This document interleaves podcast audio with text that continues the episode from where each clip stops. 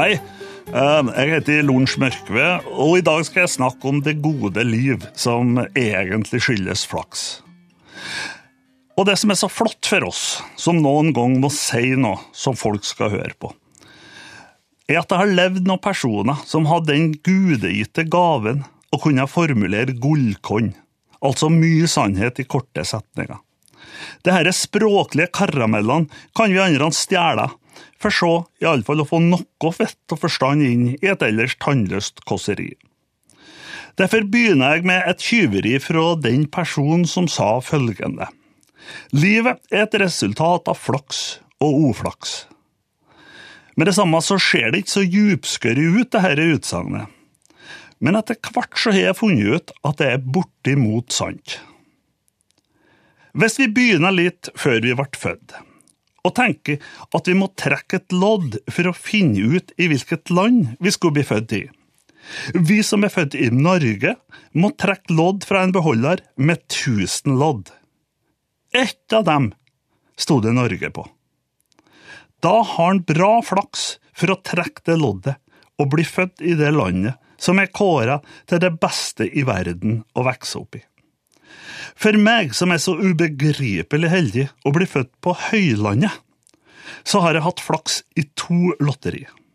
Fordi jeg måtte ha trukket en tur til, og da i en beholder med nesten 3000 lodd. Og bare ett av dem sto det Høylandet på. Og det loddet trakk jeg. Så starten kunne jeg ikke ha vært bedre for en som kom til verden i 1950. Den som i dag prøver å ta seg til Høylandet, må kjøre feil i to viktige veikryss for å komme fram. Og dersom en ikke sovner bak rattet langs Snåsavatnet, eller kjører seg utfor veien attmed Nesbrua hvis en kommer nordlant, så har en mulighet til å komme fram. Vel å merke hvis en svinger av på Gartland og unngår å kjøre på en sau når en passerer fjellet mellom Grong og Høylandet på sommerstid. Forresten en vei som var i finalen når de skulle kåre Norges triveligste veistrekning. Sau på veien er altså til stor glede for dem som kommer på besøk. Og de andre, som hisser seg opp over søvnige lam som en må ut av bilen for å jagge, bort fra gulstripa for å komme fram, de må huske på at sauene var der flere hundre år før veien ble bygd så vi har soleklar vikeplikt for kommende fårikålråstoff. Rart, forresten, at selv om det svelter over 40 000 mennesker i døgnet i verden, så har vi gjort det nesten umulig å drive med beitedyr i Norge. Og det på tross av at gressproduksjonen i utmarka er mange ganger så stor som den produksjonen på dyrka mark. Når en så tar med i betraktninga at vi importerer over 50% av den maten vi trenger, så trenger en ikke være hjernekirurg for å forstå at vi kjøper maten ut av munnen på folk som svelter, mens vi med god samvittighet lar utmarka gro igjen. Men tilbake til Høylandet, der sentrum er så lite at dersom en nys i det han kjører inn, så oppdager man ikke at den har vært der. Men kommunen er svær i utstrekning, på størrelse med et fylke langs Oslofjorden, så de har plass nok de 1300 sjeler som levde på Høylandet den gang vi sprang rundt i blå tennissko og var fullstendig uvitende om at vi hadde hatt sånn flaks at vi ble født akkurat her. Holdningene, som folk på Høylandet kalles, har alltid vært noe for seg sjøl. Og skylda for det må en kunne legge på Vår Herre. Han plasserte bygda fem mil inn i landet, slengt ned to store innsjøer på sørsida og lot fjella stupe rett ned i vannet. Dermed var veibygging gjort umulig sørover. På nordsida gjorde han ikke oppgaven mindre. Der skar han inn Kongsmofjorden og stengte oss ut fra sivilisasjonen den veien òg. Resultatet ble at vi stort sett gifta oss med hverandre, inntil en og annen jente sleit seg fram fra Kolvre og Gravik for å hjelpe gårdbrukerne på Høylandet i høyånda. Det blir bryllup og sånt, og vi fikk en sårt tiltrengt oppblanding av blodet. Vi var isolert i så mange hundre år at dialekten til slutt ble så uforståelig at det å gifte seg med naboventa ble det enklest også av kommunikasjonsmessige hensyn. Gerhard Skjønning dro i 1773 til 1775 rundt i hele Norge for seinere å beskrive folk og land i boka En reise gjennom en del av Norge. Han ga visstnok opp å komme til høylandet. Båt over vannet og hestslyss langs dårlige veier gjennom tung skog ble for mye for forfatteren. Så han stoppa i Overhalla og beskrev hallingene ut fra møter med tilfeldige bekjentskaper i Overhalla, og det han fikk forklart av våre konkurrenter i nabokommunen. Det kunne ikke bli noen god attest. Gerhard Skjønning skriver at kirken på Høylandet ble lite brukt til det den var bygd for, ifølge forfatteren. Så holdingene tørka kjøtt i Herrens hus. Så kirka var da til velsignelse for noen.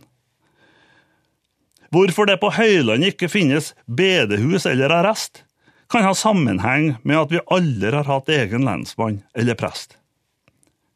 Men Høylandet ble sakte en del av verden, og i 1961 ble det hjemme hos oss innkjøpt en grammafon. Den kosta sikkert skjorta, for vi hadde råd til bare ei plat. For å si det sånn, den plata ble spilt hele tida den første måneden.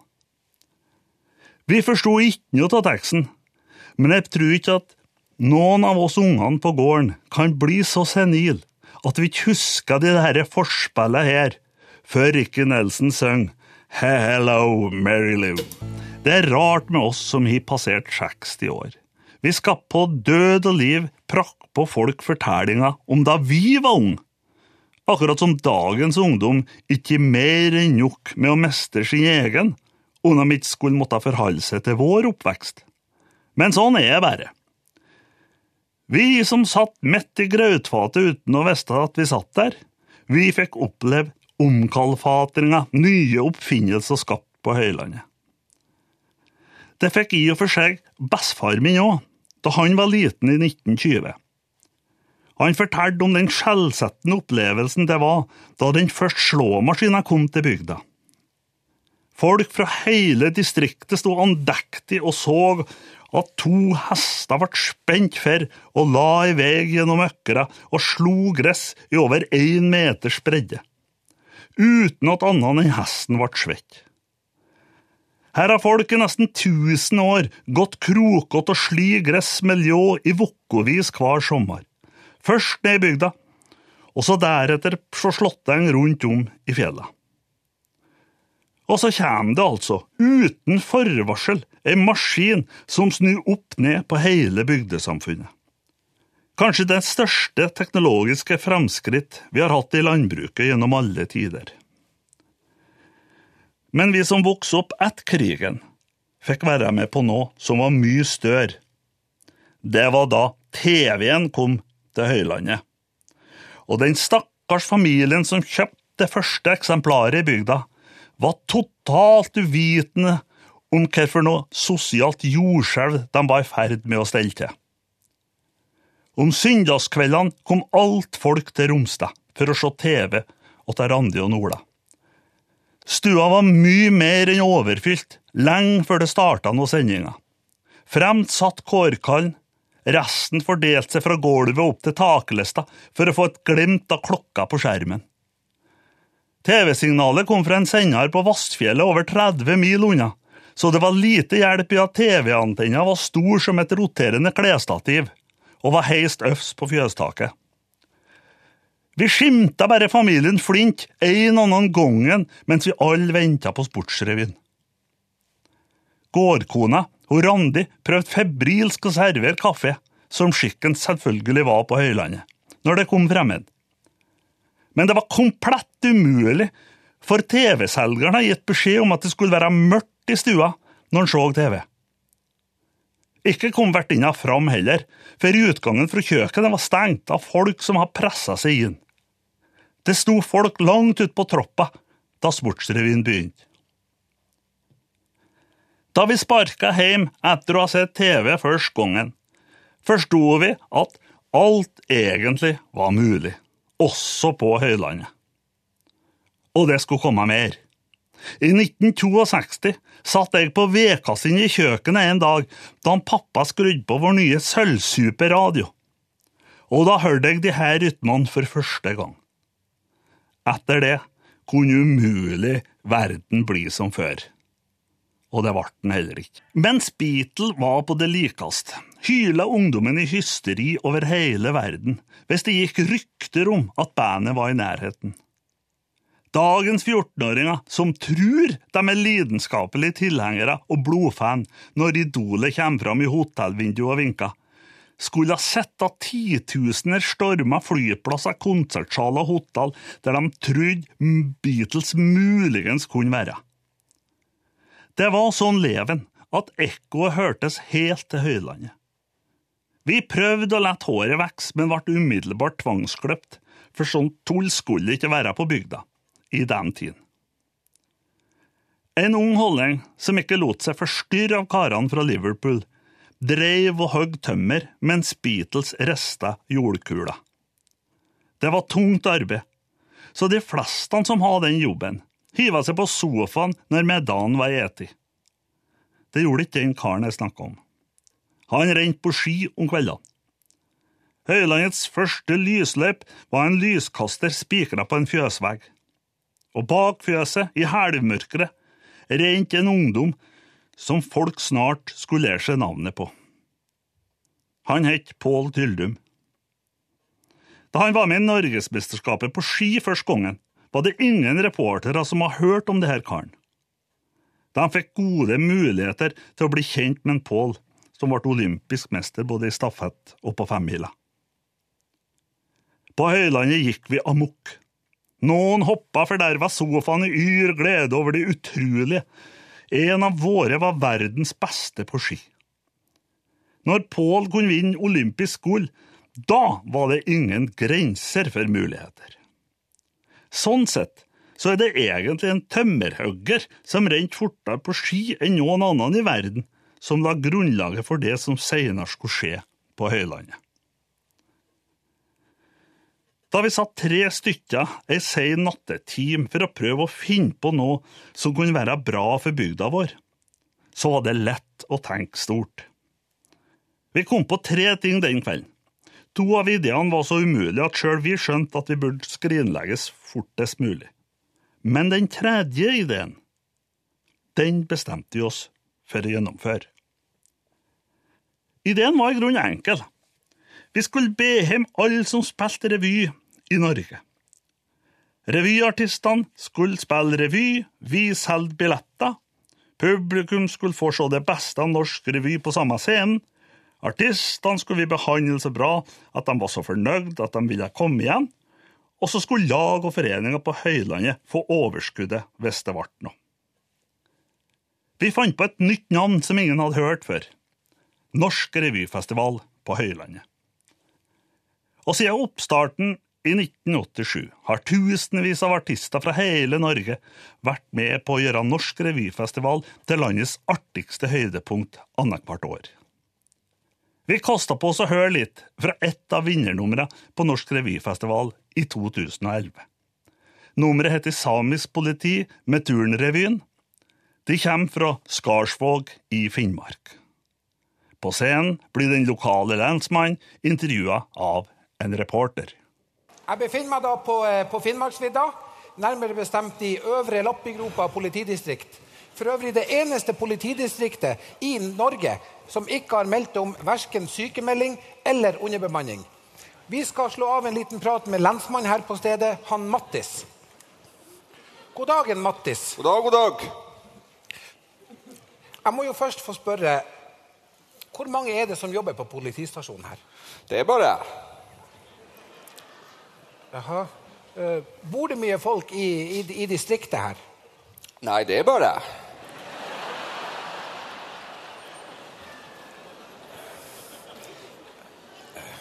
Kan jeg da få spørre eh, hvem er det som står for kriminaliteten? Ja, det er jo også jeg, da. Det er litt viktig å skille mellom jobb og privatliv. Ja. Men eh, da har vel du en veldig høy oppklaringsprosent? ja, jeg ligger på en eh, 25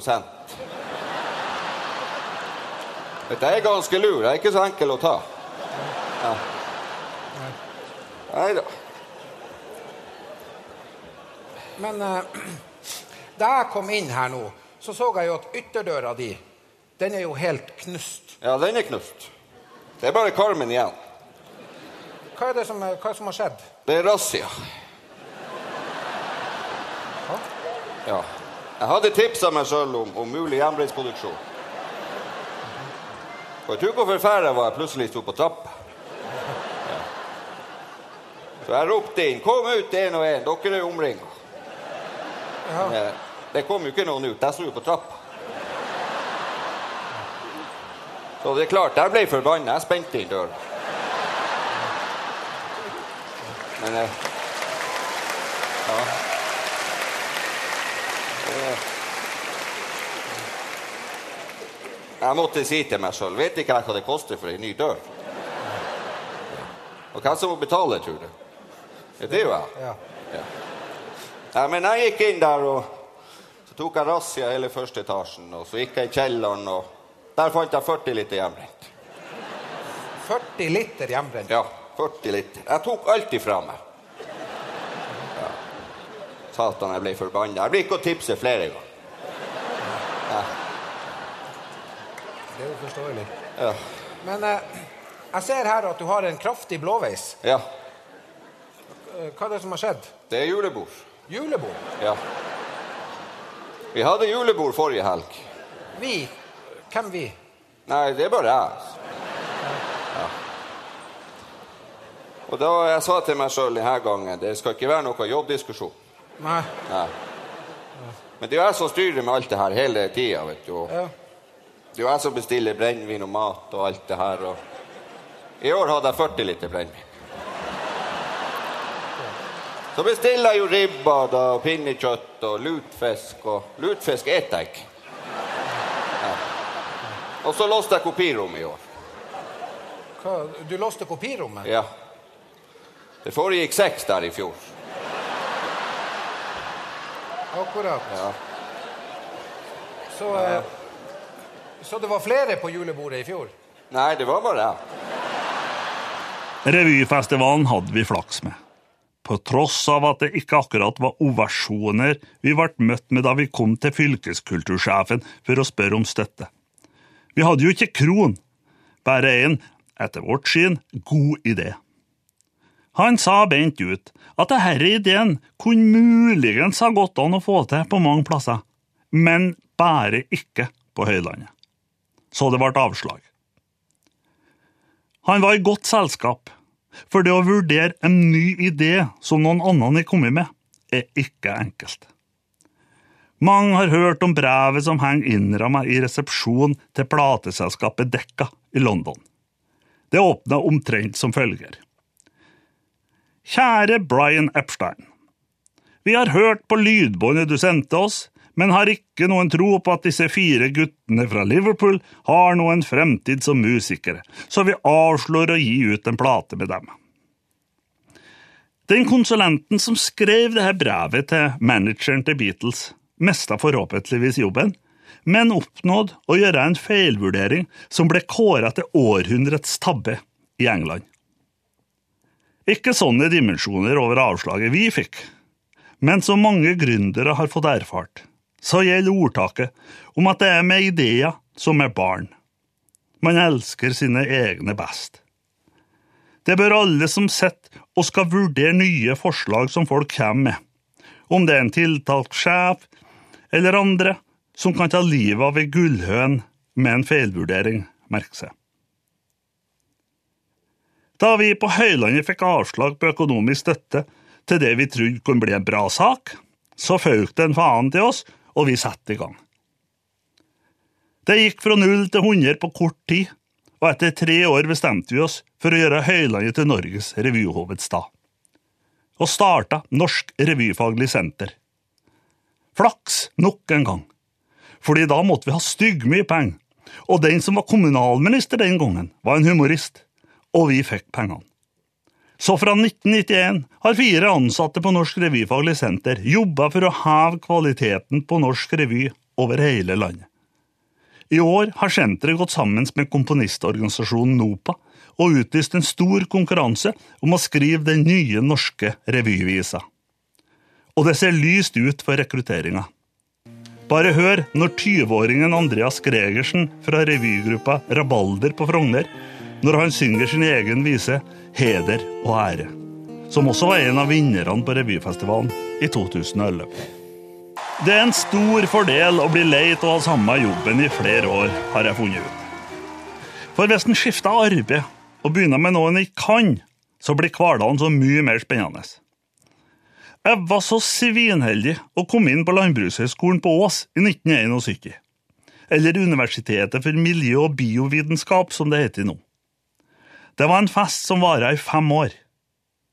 Vi bodde stort sett på studentsamfunnet og spilte revy, sang oss hås og studerte litt innimellom hvis det passa sånn.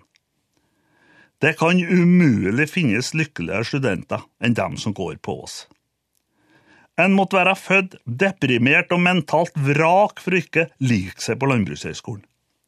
Sjøl den mest impregnerte, surmulende pessimist greide ikke å stå imot den fantastiske stemninga, og ble revet med i et liv som alle burde ha prøvd. Regninga fra Lånekassen for studenter kom i mange år etter at det var ferdig og jeg betalte hver ei kron med den største glede. Og nesten så jeg ønska at avdragstida var enda lenger, så jeg kunne få påminning om det overlykkelige studentlivet noen år til. Men en dag tok det slutt, og så bar det ut i arbeidslivet som fylkesagronom i Østfold. Jeg var utdannet arkitekt, så det står mange vindskjeve hus rundt på gårdene i Østfold som jeg er skylda for. Men så blir en altså lei av å gjøre det samme år etter år. Derfor flytta jeg til heimgården min på Høylandet og starta egen praksis som arkitekt. Det gikk bra i sju år. Da var jeg så lei av hus at jeg så meg om etter noe annet. Helst noe jeg ikke har særlig greie på. Valget ble TV-produksjon. Vi starta i 1986. Vi var tre stykker i bedriften. Ingen hadde noe som helst peiling på det å lage TV-program og alle sendestasjonene lå over 80 mil unna, og de bedriftene som skulle ha laga bedriftsvideoer, lå ikke så mye nærmere. Vi har samme sjansen til å overleve i bransjen som den berømte snøballen i helvete. Men flaks igjen! Vi havna borti noen fra Oslo som kunne det her med TV-produksjon, så vi slo oss la med dem, og gikk i hælene på en Stein Roger Bull og Jo Vestli og så hvordan de gjorde det. Og når det har gått noen år, så hadde vi skjønt at det egentlig bare handla om å ha gode ideer og kunne fortelle historier med lyd og bilder som bevega seg. Det var ikke verre. Vi bodde langt unna både kunder og kringkastingssjefer, det er helt rett. Men vi har et fortrinn de urbane TV-produsentene ikke har. Vi bodde på bygda. Og på bygda kan alt ordnes. Om du ikke rekker butikken, så er det bare å ringe, så henger de varene på døra. Og hvis du blir sjuk, så kommer du inn til doktoren umiddelbart. På bygda slapp du å sitte i timevis på legevakta sammen med hysteriske fylliker og skamslige narkomane som venta på å bli lappa i hop. Nei, livet er så utrolig lett når du kjenner de fleste om det skulle skje noe i livet som en ikke håndterer alene. Det er bestandig en nabo som bryr seg, hvis ikke noen annen allerede har ordna opp. Her kommer faktisk postmann inn med posten, inni huset til folk, om det er behov, og han følger med at alt er greit med dem som er godt oppi åra. Alt har så lett for å ordne seg her. På Høylandet hadde vi ei dame som kjørte drosje for noen år siden. Når det var bryllup og folk kosa seg på Samfunnshuset, så for hun og tok ned flagget til dem som ikke huska på at det hang opp når mørket kom. Så på bygda er det òg enkelt å være TV-produsent. Vi fikk ganske fort store oppdrag med å lage filmer om brannforebygging. Det forutsatte at de måtte tente i et hus i ny og ne. Det var bare å ta en telefon til brannmesteren om at nå branner litt igjen, og så var det bare å fyre på. Hvis vi hadde måttet filme det her i byen, så hadde det vært et alvorlig styr med politi og søknad, godkjenning, vakthold osv. osv. Og ikke for å snakke om lyden.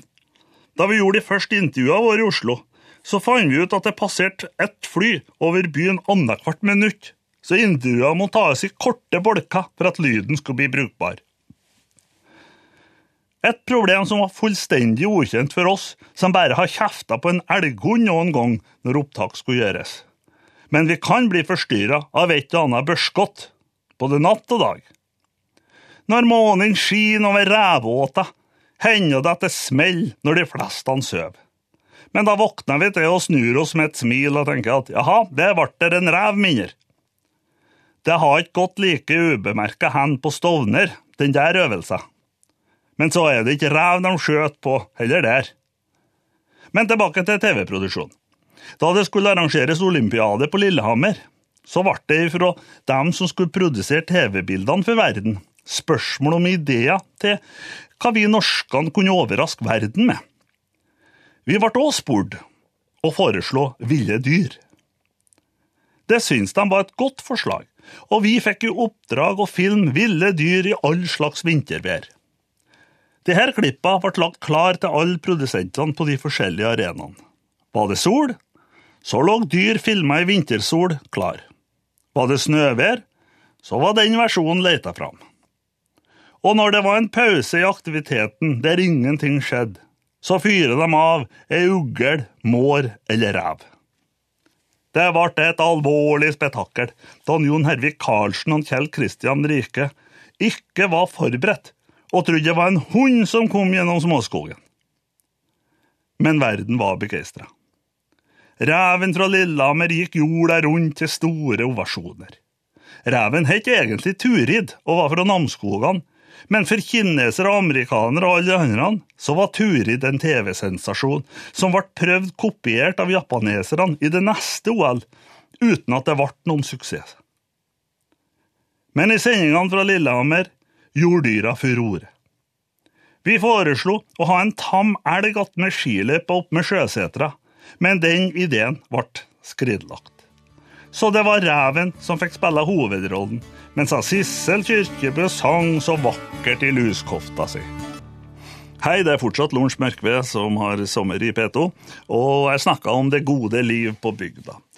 Å bo i Distrikts-Norge det er et privilegium, og det skulle en ikke tru når en vet hva ordet kommer fra. Jo, i det gamle Romerriket så var distrikt alt som lå utafor bymuren. Innafor bymuren, i byen, der var den politiske makta, der var Forsvaret, handelsstand og kapitalen samla. Utafor bymuren, i distrikta, måtte folk stort sett klare seg sjøl. Sånn sett så har det ikke forandra seg stort. Distriktssamfunn har det til felles at de ligger i avstand fra hovedstaden.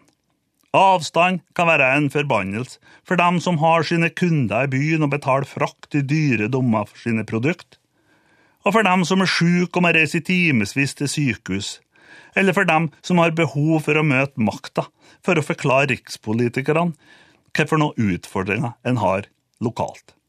Jo, avstand kan være ei forbannelse, men avstand kan òg være ei velsignelse.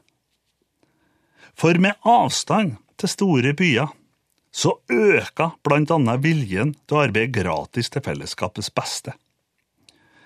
Dugnad heter det, og ordet dugnad ble kåret til Norges nasjonalord for noen år siden.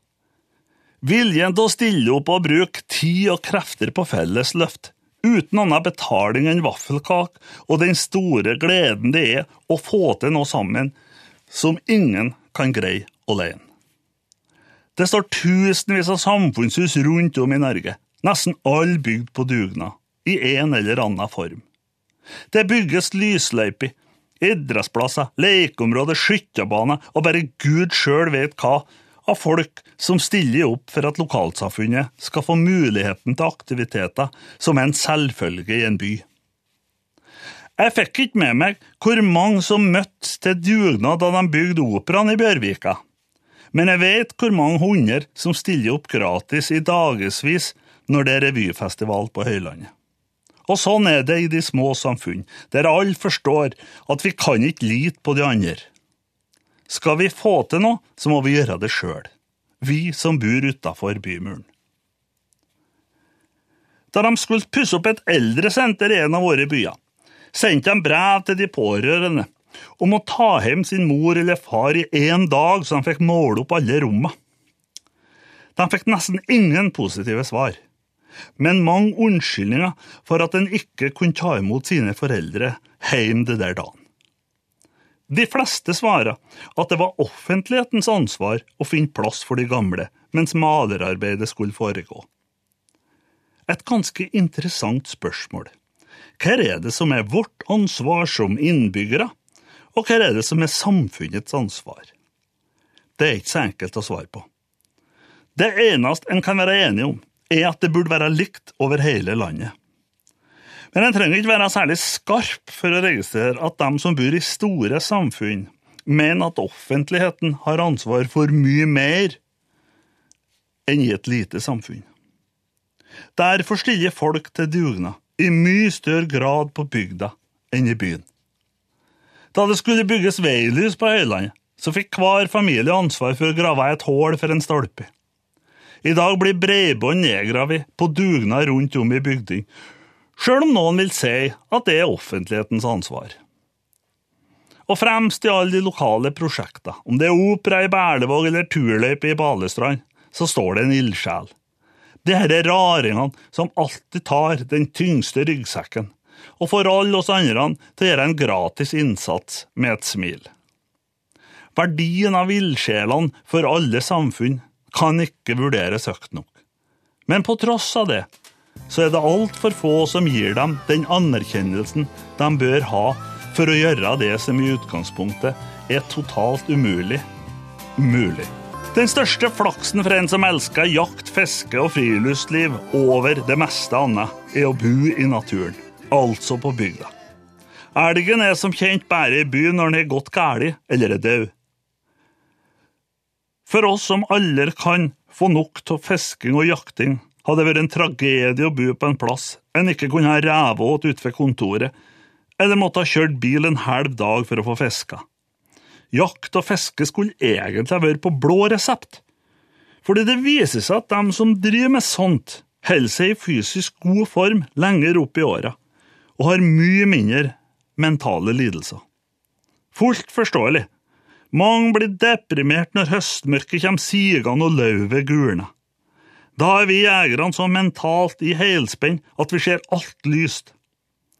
En annen ting er at hvis vi skal få folk til å ta vare på naturen, så må de lære seg naturen å kjenne. På Høylandet har vi i Jeger- og fiskeforeninga etablert en jakt- og fiskeskole for unger mellom 10 til 14 år. Forskjellige aktiviteter gjennom hele året kan ungene være med på. Det er alt fra fluebinding til sjøfiske, skjøting og fjellturer. Det var 20 unger som stilte den kvelden vi skulle ut og jakte bever.